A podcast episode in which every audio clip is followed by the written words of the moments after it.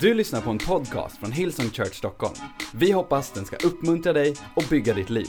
För att få mer information om Hillsong och allt som händer i kyrkan, gå in på www.hillsong.se. Vi har sista delen i ett tema som heter uh, Lights.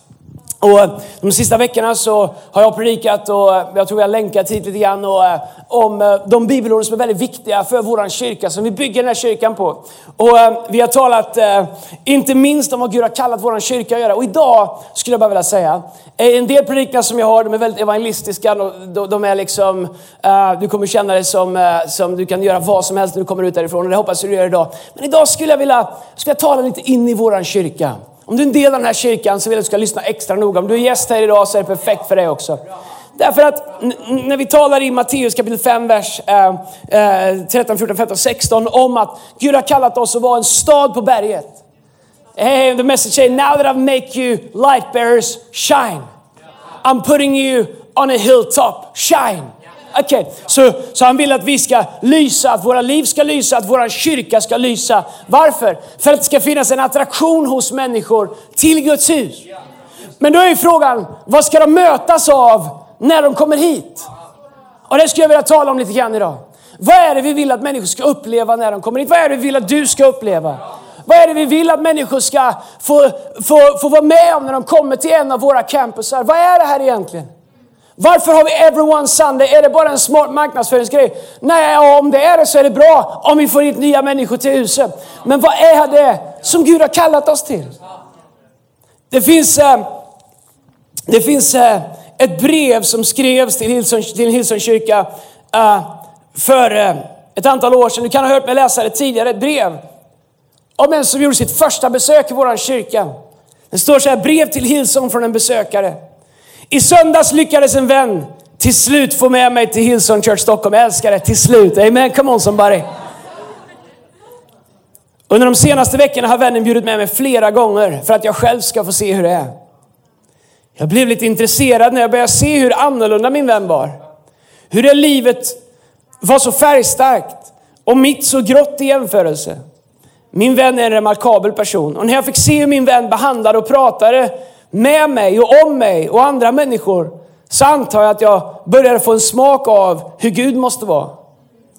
Jag följde i alla fall med, väldigt nervös och med mina förutfattade meningar.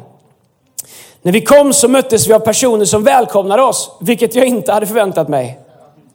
De var glada och såg trots allt normala ut.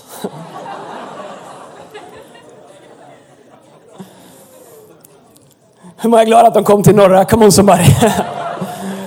Vi fortsatte in i foajén och där var det ännu fler glada och trevliga människor som välkomnade oss. Det som verkligen var imponerade var hur värdarna välkomnade mig. Inte nog med att de var vänliga och med ett leende på läpparna. De visade också vägen in i möteslokalen, förklarade var toaletterna låg, gav mig en kopp kaffe och visade vart jag kunde gå med barnen om jag hade barn med mig. Jag såg faktiskt en ensam mamma som fick hjälp av de som jobbade i söndagsskolan med att bära upp barnvagnen för en trappa. Och de önskade henne en fortsatt trevlig dag. När vi kom in i möteslokalen kunde jag se hur den redan var fylld med människor. Alla var så vänliga och jag tappade räkningen på hur många som sa hej till mig. Det kändes som att alla var där för mig och att jag var deras gäst. Inne i lokalen var allt rent och snyggt och, och, och, och var väl organiserat ner till minsta detalj, vilket var imponerande eftersom de bara hyr lokalen. Scenen var väldigt cool, vilket först förvånade mig. Men vi var i centrala Stockholm så det kanske inte var så konstigt ändå. Jag blev verkligen tagen av atmosfären. Den var elektrisk. Jag kunde inte låta bli att bli lite exalterad. Musiken som spelades när vi gick in förde en fantastisk känsla med sig. Sen började det. Livemusik, en rad sångare på scenen och ett band. Alla började sjunga och dansa med tillsammans med bandet. Jag förmodar att detta var salmerna jag hade förväntat mig. Det var grymt. Efter några låtar så sänkte tempot och atmosfären var helt fantastisk. Alla verkade vara förlorade i stämningen och musiken. Jag förstod att människor faktiskt sjöng till Gud. Jag började känna att det här var på riktigt. Sen kom det till predikan, vilket också var en överraskning. Jag förstod faktiskt vad han sa. Måste ha haft gästtalare den söndagen. Jag kunde se hur jag kan applicera Bibeln i mitt, vardag, i mitt vardagliga liv. Det enkla sättet som man pratar om Jesus, om att vara kristen, fick mig att börja tänka på att det här kanske var på riktigt. Mot slutet fick jag en fråga. skulle jag vilja lämna mitt gråa, självupptagna liv och börja leva ett nytt liv. Jag hade ju sett det nya livet i min kompis. Och det, var som jag, och det var som jag nu upplevde var, och det som jag nu upplevde var verkligen extraordinärt. Jag tänkte att det här måste vara på riktigt så jag räckte upp min hand. Alla jublade och gladdes med mig. Helt otroligt, jag fick en stor applåd. Jag tänkte för mig själv att allt det här idag måste ha varit organiserat bara för mig. Amen. Fantastiskt. Well, är det bästa brev som, som någonsin har skrivit. Faktum är att det här är ett fake brev, okej? Okay? Fake news, alright?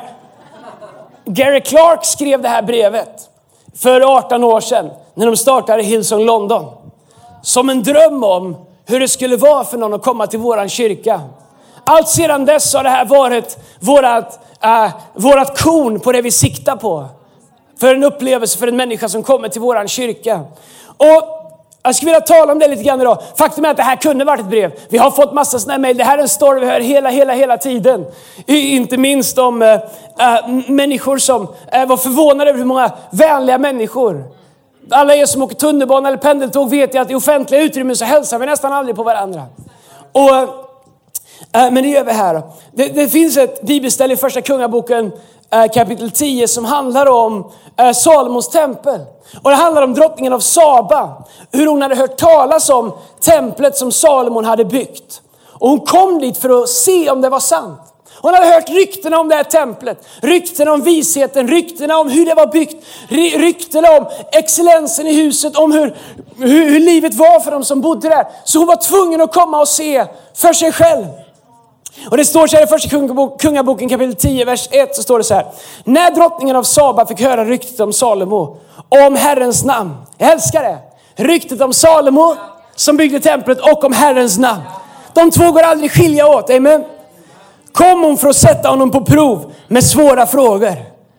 Ungefär samma som när någon kommer till kyrkan för nu ska jag se om det här verkligen är sant. Hon kom till Jerusalem med, med mycket stort följe. Med kameler som bar väldoftande kryddor och guld i mängd samt dyrbara stenar. När hon kom inför Salomon talade hon med honom om allt som låg på hennes hjärta. Och Salomo svarade på alla hennes frågor. Ingenting var dolt för kungen, utan han, utan han kunde ge svar på allt. Vers 4. När drottningen av Saba såg Salomos vishet och såg huset han hade byggt och rätterna på hans bord och hur hans tjänare satt där och hur de som betjänade honom skötte sina sysslor och hur de var klädda och hur hans hovsmän och brännoffren som han offrar i Herrens hus blev hon utom sig av förundrad. Så hon är slagen av, när hon kommer dit, och, och, och, av att det är templet som Salomon har byggt. Hon är medveten om Herrens namn som är över hela huset, att det här är ett Guds hus, att det här är ett Guds tempel. Och hon talar om att hon ser, hur, ser hans vishet, hur han har svar på frågorna. Talar om hur hon ser, hur, inte bara hur de dukade borden, utan var de dukade på borden. Hon ser också eh, hur de som betjänar honom gjorde det. Det fanns en excellens, det fanns en anledning till att de inte bara slängde upp det. Hon, hon, hon slåddes av hur de dukade borden, hur de serverade. Och det gjorde en impact på henne som är direkt länkad till faktiskt Guds namn och det som var skrivet över huvudet huset. Och hon ser hur de offrade i Herrens hus, hur de gav till Herren och hur de tillbad. Och hon blev utom sig av förundran. Salomos tempel är en profetisk bild av Nya Testamentets kyrka. Okej? Okay? När du läser det så måste du tänka den kyrka som vi är nu. Okej? Okay? Nu är det så att varje plats vi går in i och samlas i blir Guds hus. Där Guds barn är, Guds barn är, där blir Guds hus. Okej, okay, häng med mig då. Det blir flera tankar på rad där. Det kommer gå bra. Så man kan säga att Salomos tempel är en profetisk bild om den nytestamentliga kyrkan, så också Hillsong. Amen? Okej. Okay. Så hon kommer för att hon hört talas om den här kyrkan. Hon säger, kan det här verkligen vara sant? Jag har hört om människorna där. Jag har hört om visheten där. Jag har hört om livet där. Jag har hört om Herrens namn där. Jag har hört om hur ni gör saker och ting. Det var inte bara så. Jag har hört att Gud är där och det enda bryr mig om allt, inget annat spelar roll. Nej, allting spelade roll för henne. Sammantaget allting gjorde en impact på henne som ledde henne till Herrens namn. Till och med hur man satte fram maten på bordet ledde hennes tankar till Herrens namn. Vad man hade klätt på sig, hur man hälsade, hur man offrade, hur man talade, hur man upp... Allting, ordningen, allt gick och härleda tillbaks till Herrens namn. Vad är det du säger Andreas? Jag säger att allt som vi gör spelar in i det faktum att människor säger, vad är det med det där huset? Vad är det med de där människorna? Vad är det med den där samlingen? Vad är det med, vad, vad är det med människor? Generositeten, glädjen, gästvänligheten, öppenheten. Varför är det så viktigt för dem? Vad är det som betyder så mycket för alla som är med och tjänar? Salomos tempel är en profetisk bild på den kyrka vi bygger. Som vi gör söndag efter söndag efter söndag. Och drottningen av Saba kom för att se vad det är med Salomos tempel som alla pratar om. Det står så här i vers 1, där vi läste i kapitel 10. När drottningen av Saba fick höra ryktet om Salomo och om Herrens namn. Den här predikan, de få minuterna som är kvar, handlar om en kyrka som fångar människors uppmärksamhet. En del människor har problem med det, men vi bygger en kyrka som Jesus pratar om i Matteus kapitel 5. Där han säger att vi är som en stad på berget. Han säger, jag sätter dig som en stad på berget för alla att se. Gud vill att våran kyrka ska fånga människors uppmärksamhet. Kyrkan är inte byggnaden, kyrkan är du och jag. Okay? Kyrka är inget som vi går till, kyrka är vad vi är. Vi är Kristi kropp, i Efesierbrevet 1 och 23, genom vilken han talar, agerar och fyller allting med sin närvaro. Så Gud vill att våran kyrka ska vara någonting som gör avtryck. Inte som ryktet går om vad vi är emot, eller hur arga vi är, eller vad vi krigar mot, eller, utan att det finns en attraktion. Det finns någonting som drar. Vad är det med er människor? Vad är det med, vad är det med? Jag hade någon på jobbet som gick igenom någonting. Jag fick höra att de gick till er kyrka. Deras liv blev mycket bättre. Vad gör ni där egentligen? Vilka är ni för några? Gud har ett uppdrag till oss att bygga någonting. Vet du varför jag byggt ett... Vet du varför jag byggt ett barnland där nere? Vet du vad föräldrar säger när de kommer hit? Wow! Vet du vad, vet du vad barnen säger? Jag vill tillbaks! Salomos hus. Ryktet gick om Salomos tempel. Så att till och med drottningen av Saba säger, jag måste komma och se det med egna ögon. Vi bygger ingen liten hemlig företeelse för specialkristna i ett hörn någonstans, i en källare utan fönster. If Matteus säger, now that I put you on a hilltop, shine! Jag sätter i dig under skeppan, nej! Det var eran del, alright? Så man kan säga Andreas, det låter väldigt grandiost. Absolut, om det vore för vårat namn. Men drottningen av Saba slogs av Herrens namn. Det vi gör, gör vi för den uppmärksamhet som ni gör. Den attraktion den skapar kommer peka människor till det enda som betyder någonting. Jesus Kristus och det nya liv som finns för varje människa. I Jesu namn. Du kan säga, Andreas varför spelar allting roll? Varför ligger kablarna så rätt här? Varför är det sån ordning? Därför att allt vad vi gör, gör vi för Gud. Därför är allt som vi gör värt att göra ordentligt. Jag hatar slarv. Och, och jag har, det finns ingenstans jag har mer problem med slarv än i Guds hus. Aldrig någonsin, så länge jag leder våran kyrka, att jag skulle gå med på att jag har det bättre hemma än vad vi har i Guds hus. Never! Gud är värd mitt bästa. Spelar ingen roll om jag krattar här ute eller jag predikar. Om det är någon som ser eller inte ser det. Gud och Guds hus är värt mitt bästa hela tiden. När jag häller upp kaffe, när jag, när jag leder barn, när jag leder en connect-grupp, när vi tar hand om våra lokaler. Gud är värd vårt bästa. Så att människor säger, jag måste komma och få se själv. Ryktet om huset, ryktet om Herrens namn, ryktet om människorna har nått mig. Jag var bara tvungen att komma och se. De pratar om det på mina barns skola. De pratar om det i den gruppen som mina, mina ungdomar hänger med. Vad är det som händer här i Arlanda stad egentligen? Satt på en frukost, jag har en person jag käkar frukost med i Sigtuna regelbundet. Han sa, vad är det ni gör där borta i Arlanda stad egentligen? Det verkar snart alla här, alla jag känner, är där borta. Han sa, det är bra. Om du bara kommer hit så slipper du ha, ha så mycket möten, du träffar dem alla samtidigt. Ryktet om vad Gud gör här börjar gå i norra Stockholm. Men det ska gå ännu mer. En kyrka där människor vet att Gud finns att få tag på. Det är det viktigaste av allt. En kyrka där människor vet att om jag bara tar mig dit. En kyrka där vi vet att Gud finns att få tag på. En kyrka som inte säger jag kan komma till kyrkan, jag har en bra dag. Utan en kyrka där vi säger min kyrka är för alla mina dagar. Ibland kanske det enda du kan göra är att bara ta dig till kyrkan. Kanske inte har en sång. Kanske inte känner att du har några händer att lyfta upp. Kanske inte ens känner att du har en bön att be.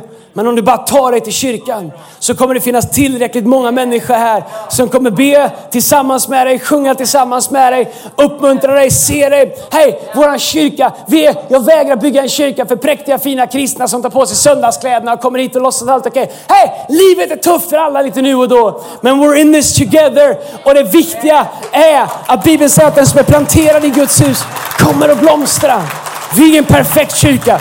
Det kommer aldrig vara. Vi är ingen kyrka med perfekta ledare, perfekta människor, perfekta foajéer. Perfek Vi, ingen, vi letar inte efter perfektion. Vi letar efter något som är på riktigt och något som är värt vårt bästa. Ett hus där människor vet att de kan få tag på Gud. Låt mig bara bryta ner några saker av vad drottning Saba sa. Jag trodde länge hon hette drottning Siba och har alltid tänkt på tv-apparat, men hon heter faktiskt Saba. Okay? Jag vet inte om det är som jag bygger associationer för att komma ihåg saker. Några saker som Saba såg när hon kom till Guds hus.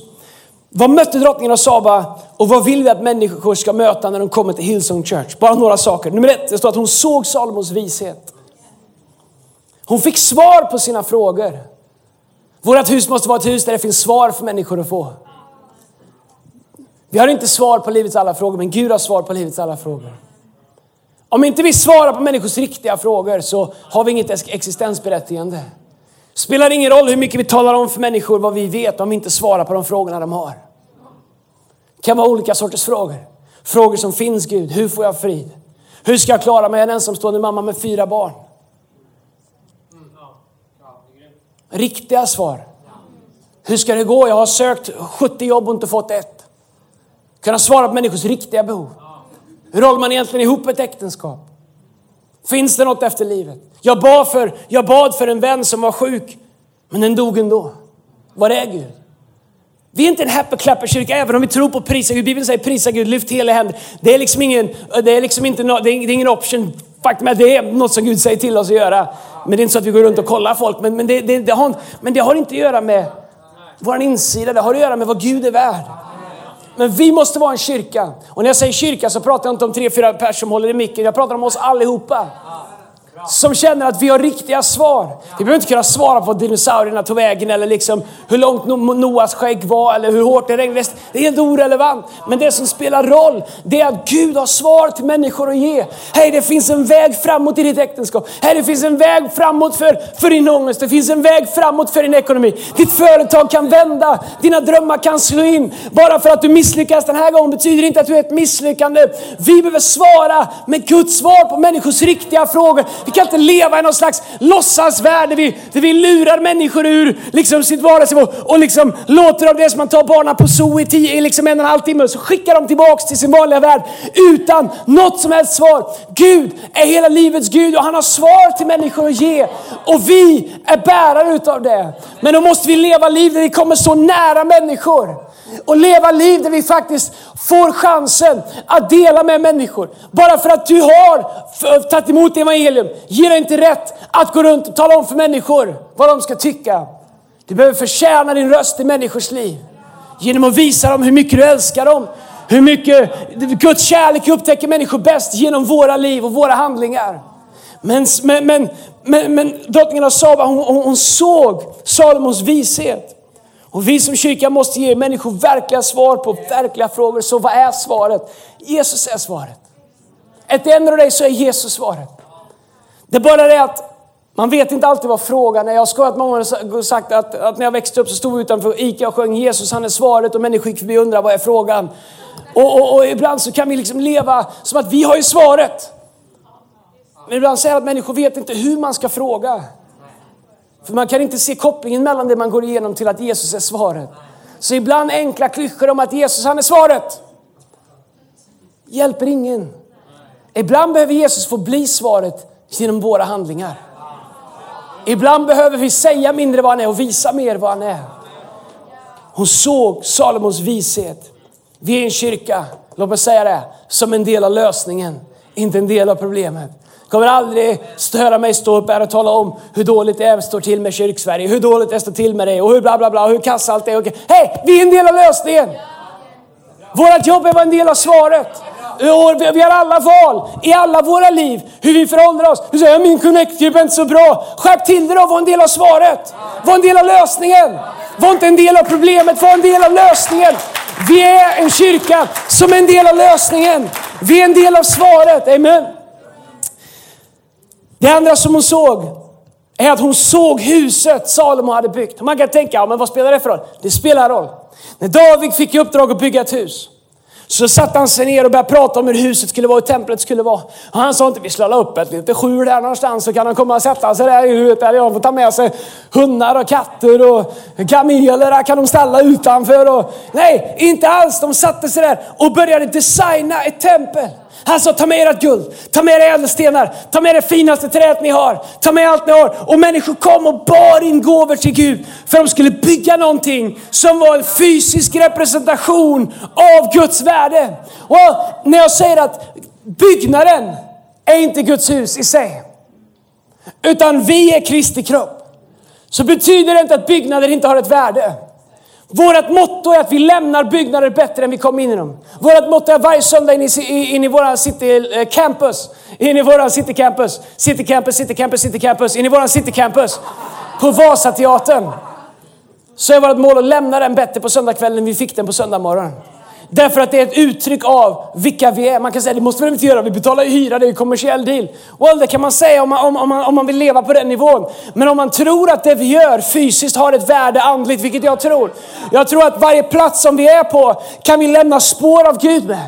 Jag vet att de sitter i led där uppe och säger, vad är det med Hillsong? Det är mer städat när de går än när de kommer. Det är mer, ljudet låter bättre när de går än det var när de kom. Det är mer ordning på konferensrummen uppe på Grand Central Scandic när kids är klara där än det var innan vi kom. Vet du vad det säger? Det säger någonting om Gud. När man kliver in här och inte behöver liksom trampa över liksom pappershögar för att komma in i foajén. Det säger någonting om att här gör vi någonting som vi tror är viktigt. Här gör vi någonting som är, på huset har en, det, och det här, det här huset här som, som Gud har gett oss. Och som Gud har gett oss ansvar att förvalta. Det spelar roll. Därför att jag ska om för er, när vi började så hade vi en teater som var så sunkig. Jag och Mike var kvar längst sista kvällen innan första mötet. Och jag törs inte berätta hur jag kopplade elen för att det skulle hålla under mötet för vi har elektriker här. Och de blir så, det finns inga som blir så sura som elektriker när man säger att man har kopplat lite själv. Det händer något i ögonen här. Det är någonting med dem. En snickare du låter alla snickra, men en elektriker, jag vet inte vad det är med dem. Röd och grön och gul och svart gör detsamma, har han sagt. Det bara, hur svårt kan det vara? Antingen lyser det eller så lyser det inte. Elektriker. Nej, jag skämtar. Det är bra med elektriker. Hur kom vi dit? Ingen aning. Uh, uh, lokal. Uh, ja, precis. Vi kom in i den lokalen och den var så sunkig varje dag. Så eh, vi skulle ha möte. Så fick jag, vi, vi, vi fick komma in så tidigt. Vi hade ett möte klockan 16 men vi fick komma in tidigt på morgonen för det tog så lång tid att bara först grovstäda den här lilla teatern. Bengt-Åke Varg och Uffe Larsson, komikerna, ägde den. Och man kan säga just städningen var inte deras starka sida. Skämten var grymma men, men städningen var sådär. Och elmätaren satt inte in i deras, eh, eh, eller skit jag kan inte säga det under podcast, men, men det, var, det fanns saker som gjorde att det inte gick att styra upp elen i alla fall. Och, och eh, men vi bestämde oss för att det här är vår lokal. Och det ska vara den renaste, bästa platsen att komma in i. Och det spelar ingen roll om den inte är vad vi skulle vilja att den är. Vi ska göra den här lokalen allt den kan bli. Det har varit vårt motto i alla våra lokaler. Jag vet inte hur många lokaler vi har varit in i city. När vi fick förmånen och förtroendet att ta över den här lokalen så sa jag att vi ska göra det till den bästa lokalen någonsin har varit. Vi ska, vi ska expandera, vi ska renovera, vi ska förbättra, vi ska använda varenda kvadratcentimeter Gud har gett oss. Man ska kunna titta på den kvadratmetern och säga, här gör de något viktigt. Det här är Guds hus, här är det ordning. Och jag säger det till alla som känner sig manade att vara med och städa nere på lagret. Jag gick en sväng där igår. I Jesu namn, där behöver vi ett mirakel. Come on somebody i Göteborg, när vi tog över eh, det som tidigare varit Gilad och Connect Church. En fastighet med, med, med, med, med en kyrka med 250 eller 300 sittplatser, 23 lägenheter. Det vi har en dröm att faktiskt, eh, eh, på plats kunna bygga ett auditorium med 750-800 sittplatser. Kanske till och med kunna bygga ett 40-tal lägenheter ovanpå det. Varför vill vi göra det? Därför att så när Gud ger oss någonting så har vi ett ansvar att göra det bästa av det.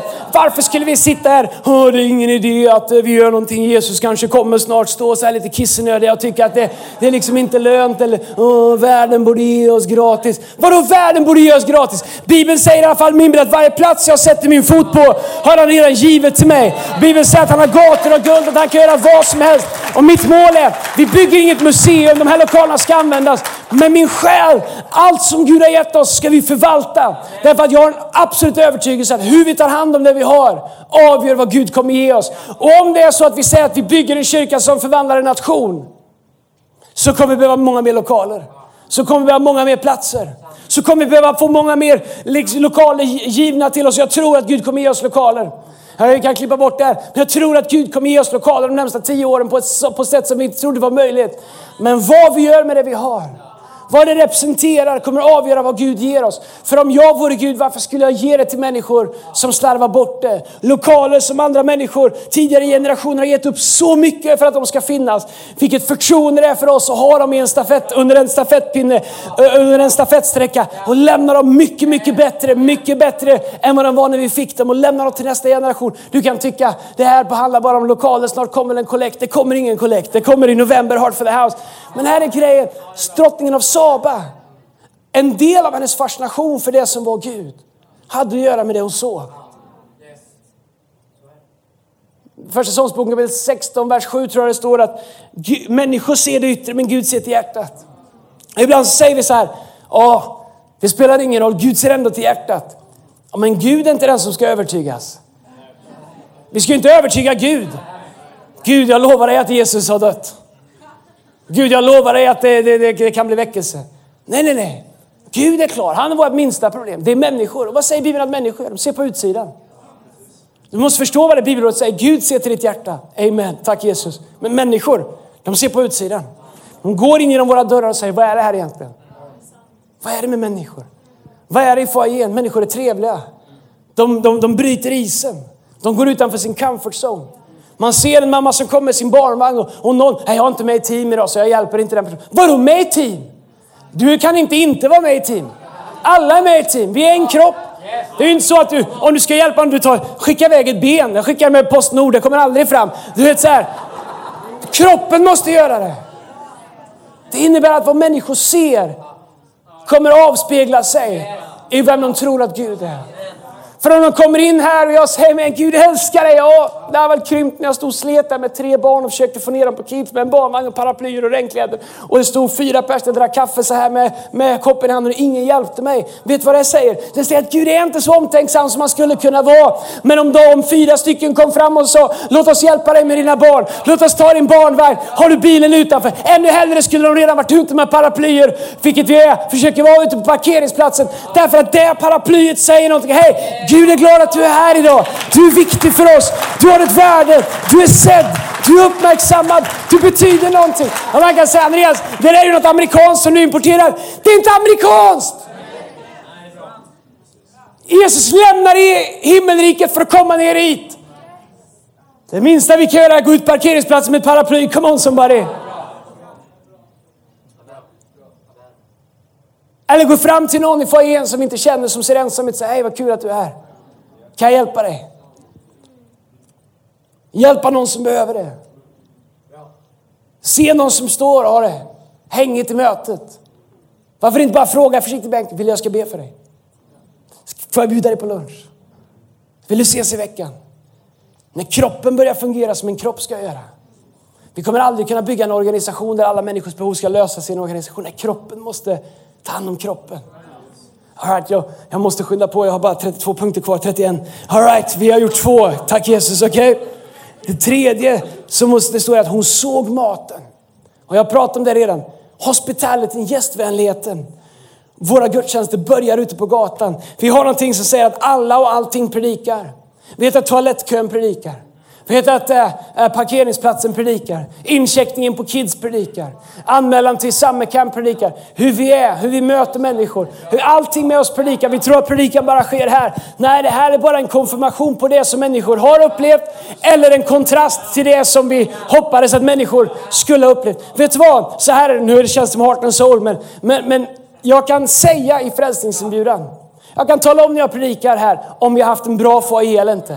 Om vi har haft en foajé som har sjudit av liv, där det har funnits energi, där vi har sett människor, där vi har pratat människor, där vi har fångat in människor. Det känns i atmosfären här inne. Men jag kan också känna när vi inte har haft det, det känns också i atmosfären här. Du måste förstå att det du gör i foajén har en makalös förmåga att skapa tro i människors hjärta. Kanske är det din ögonkontakt med en människa som säger, till mig, jag ser dig. Jag är glad att du är här. Vad roligt! Det kan betyda mer för en person än allt jag står här och spottar ur mig. Än alla lovsånger som vi, som vi kör. Det faktum att någon såg dem i ögonen och sa, vad kul att du är här. Det är evangelium. De glada nyheterna. Det är Jesu kärlek uttryckt genom hans kropp. Okej, okay. hon såg allting med oss, säger någonting om oss. Uh, nummer tre. Uh, nummer fyra, hon såg hans team. Det står att hon såg hans team. Hon såg att de tjänade med glädje, tjänade med excellens. Och här är grejen. Jag har ofta predikat och tänkt på den här berättelsen om när Jesus hade predikat, han tog båten hem, men människor hörde att han var där så de kom och bara crashade hans hem. Okay? Tryckte sig in överallt. Det var så fullt så det gick inte komma in och han började undervisa som man gör. Fyra stycken män försöker inte tränga sig in utan de springer i motsatt riktning bort ifrån Jesus. För att hämta någon som ligger på en madrass. Gör ett hål, fira ner honom i taket. Vi vet inte vad de heter. Vi vet inte vad de hade gjort innan, vi vet inte vad de gjorde efter. Vi vet bara att en man kunde gå igen. För att fyra ansiktslösa, namnlösa människor som vi inte vet vilka det är bestämde sig för att inte springa med crowden för att få så bra plats som möjligt hos Jesus. Utan springa mot crowden, mot strömmen. För att de visste att vi har en kompis som aldrig kommer ta sig hit. Det är det vi gör handlar om, är att bära madrasser, både du och jag. Vi har olika roller. Jag står här uppe ibland och det, det är där vad det är. Men det du gör är lika viktigt. I slutet av dagen så är vi alla madrassbärare. Och allt som vi gör har ett värde. Vet du vad? Låtsasteamet kan komma upp, vi, vi skippar lite punkter. Men om vi, om, om, vi hoppar ner till, bara där vi slutar läsa, och i första Kungaboken kapitel 10, vers 6 så står det så här. Och hon sa till kungen, drottning Saba sa till Salomo, så var det då sant, det jag i mitt land hörde om dina ord och din vishet. Jag ville inte tro det förrän jag hade kommit hit och fick se det med egna ögon. Men se, inte hälften hade berättats för mig. Du har långt mer vishet och rikedom än jag har hört genom rykten. Lyckliga är dina män och lyckliga är dess, dessa dina tjänare som ständigt får stå inför dig och höra din vishet. Välsignad vare Herren, din Gud, som har funnit sådant behag i dig och satt dig på Israels tron. Ja, eftersom Herren älskar Israel för evigt har han gjort dig till kung för att du ska skipa lag och rätt. Och hon gav kungen 120 talenter guld och dessutom mängder av väldoftande kryddor samt dyrbara stenar. En så stor mängd väldoftande kryddor som drottningen av Saba gav kung Salomo hade aldrig mer förts in. Det är två saker som sker utifrån det hon är med om. Hon ser hans vishet, hon ser Herrens namn, hon ser människorna, hon känner atmosfären. Det är två saker hon gör. Nummer ett är, hon prisar Gud. Du måste förstå att den guden var inte hennes gud, hon hade en annan gud. Hon väljer att tillbe en gud som hon inte ens har trott på. Hon börjar att prisa, börjar, väljer att prisa Salomos gud för vad hon har sett i Salomos folk. Jag säger det igen ifall det är någon som tycker att det inte är tillräckligt andligt. Hon väljer, som tillber en annan gud från ett annat rike och en annan religion. Hon väljer att börja tillbe Salomos gud för vad hon har sett i Salomos folk. Hon börjar prisa Gud som en respons på vad hon har upplevt, på vad hon har sett, på vad hon har varit med om. Det andra som sker är, det som sker i oss när vi, när vi får möta Gud. Hon börjar ge tillbaks. Han säger, vad kan jag ge tillbaka? Nu har hon kryddor, det är inget som vi behöver i vår kyrka. Lite ute i köket, men inte så mycket. Men hon börjar säga, vad kan jag ge tillbaks? Det är någonting med förvandlade människor som letar efter ett sätt att, att ge vidare. Därför att Guds kärlek, när den kommer in i våra liv, en sak den alltid bär med sig är att den letar utflöden. Det bästa sättet att kväva Guds liv är att stänga alla utflöden. Det bästa sättet att få mer av Gud och det du behöver, det är att öppna dina utflöden. Se så många av oss, vi säger Gud jag behöver mer av dig, jag behöver mer av dig. Men vi har stängt så många av våra slussar så det kommer inte ut. Så Gud säger, hej även om du behöver mer av mig så finns det inte plats för det. För du har fortfarande kvar det som jag tänkte du skulle ge till den och till din arbetskamrat och till din fru och till din man och till dina barn och till din släkting eller till whatever. Våra liv är skapade för att vara ett flöde av Gud. Det han ger oss så att vi kan ge det vidare. I handling, i ord, i kärlek, i glädje, i allt som vi gör. Så vad skulle hända om, om du hittade din roll i huset där vi bygger som Gud har kallat oss till? Jag jag kan inte vara i team varje söndag. Nej, glöm det. Det behöver inte vara något som du inte kan, men Gud har en plats för dig. Vad skulle hända om ännu fler av oss slutade gå till kyrkan och började bli kyrkan? Vad skulle hända om vi inte tänkte att kyrkan är mellan 11 och halv, halv ett och drar över så börjar jag packa min handväska i, i förväg.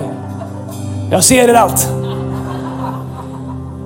Vad skulle hända om, när vi ses på söndagen, bara en sammankomst av kyrkan som existerar hela veckan, utspridd i hela Storstockholm, utspridd i Jönköping, Örebro Göteborg. Att Gud har händer och fötter, att Gud har röst. Att man inte behöver komma bara och se ett hus längre, utan man kan sitta bredvid dig i kontorslandskapet och få samma upplevelse som drottningen av Saba fick när hon kom till Salomos tempel. Därför att allt som fanns i templet finns i oss. Vi är hans tempel, vi är den levande Gudens tempel, han bor i oss. Det innebär att den helige vill hjälpa oss att leva liv. Han kan ta våran mess och göra det till ett message. Vända saker i vårat liv. Vi behöver massa mer folk i alla våra team, men det är inte först och främst det den här predikan handlar om. Först och främst så handlar det om vad du gör. Måndag morgon, hur du ser ditt liv. Hur du ser vad Gud har kallat dig till. Kanske väntar du på att du ska bli ännu mer färdig. Kanske väntar du på att du ska rättas till. Kanske väntar du till att bli mer helgad. Kanske, hej, sluta vänta och börja vara det Gud har gjort dig till. Han kommer hjälpa dig. Du är det du är för att Gud har satt dig där. Hur ska människor få höra om ingen säger någonting? Nästa söndag när vi har Everyone Sunday så är det min dröm att människor skulle komma in i våra hus.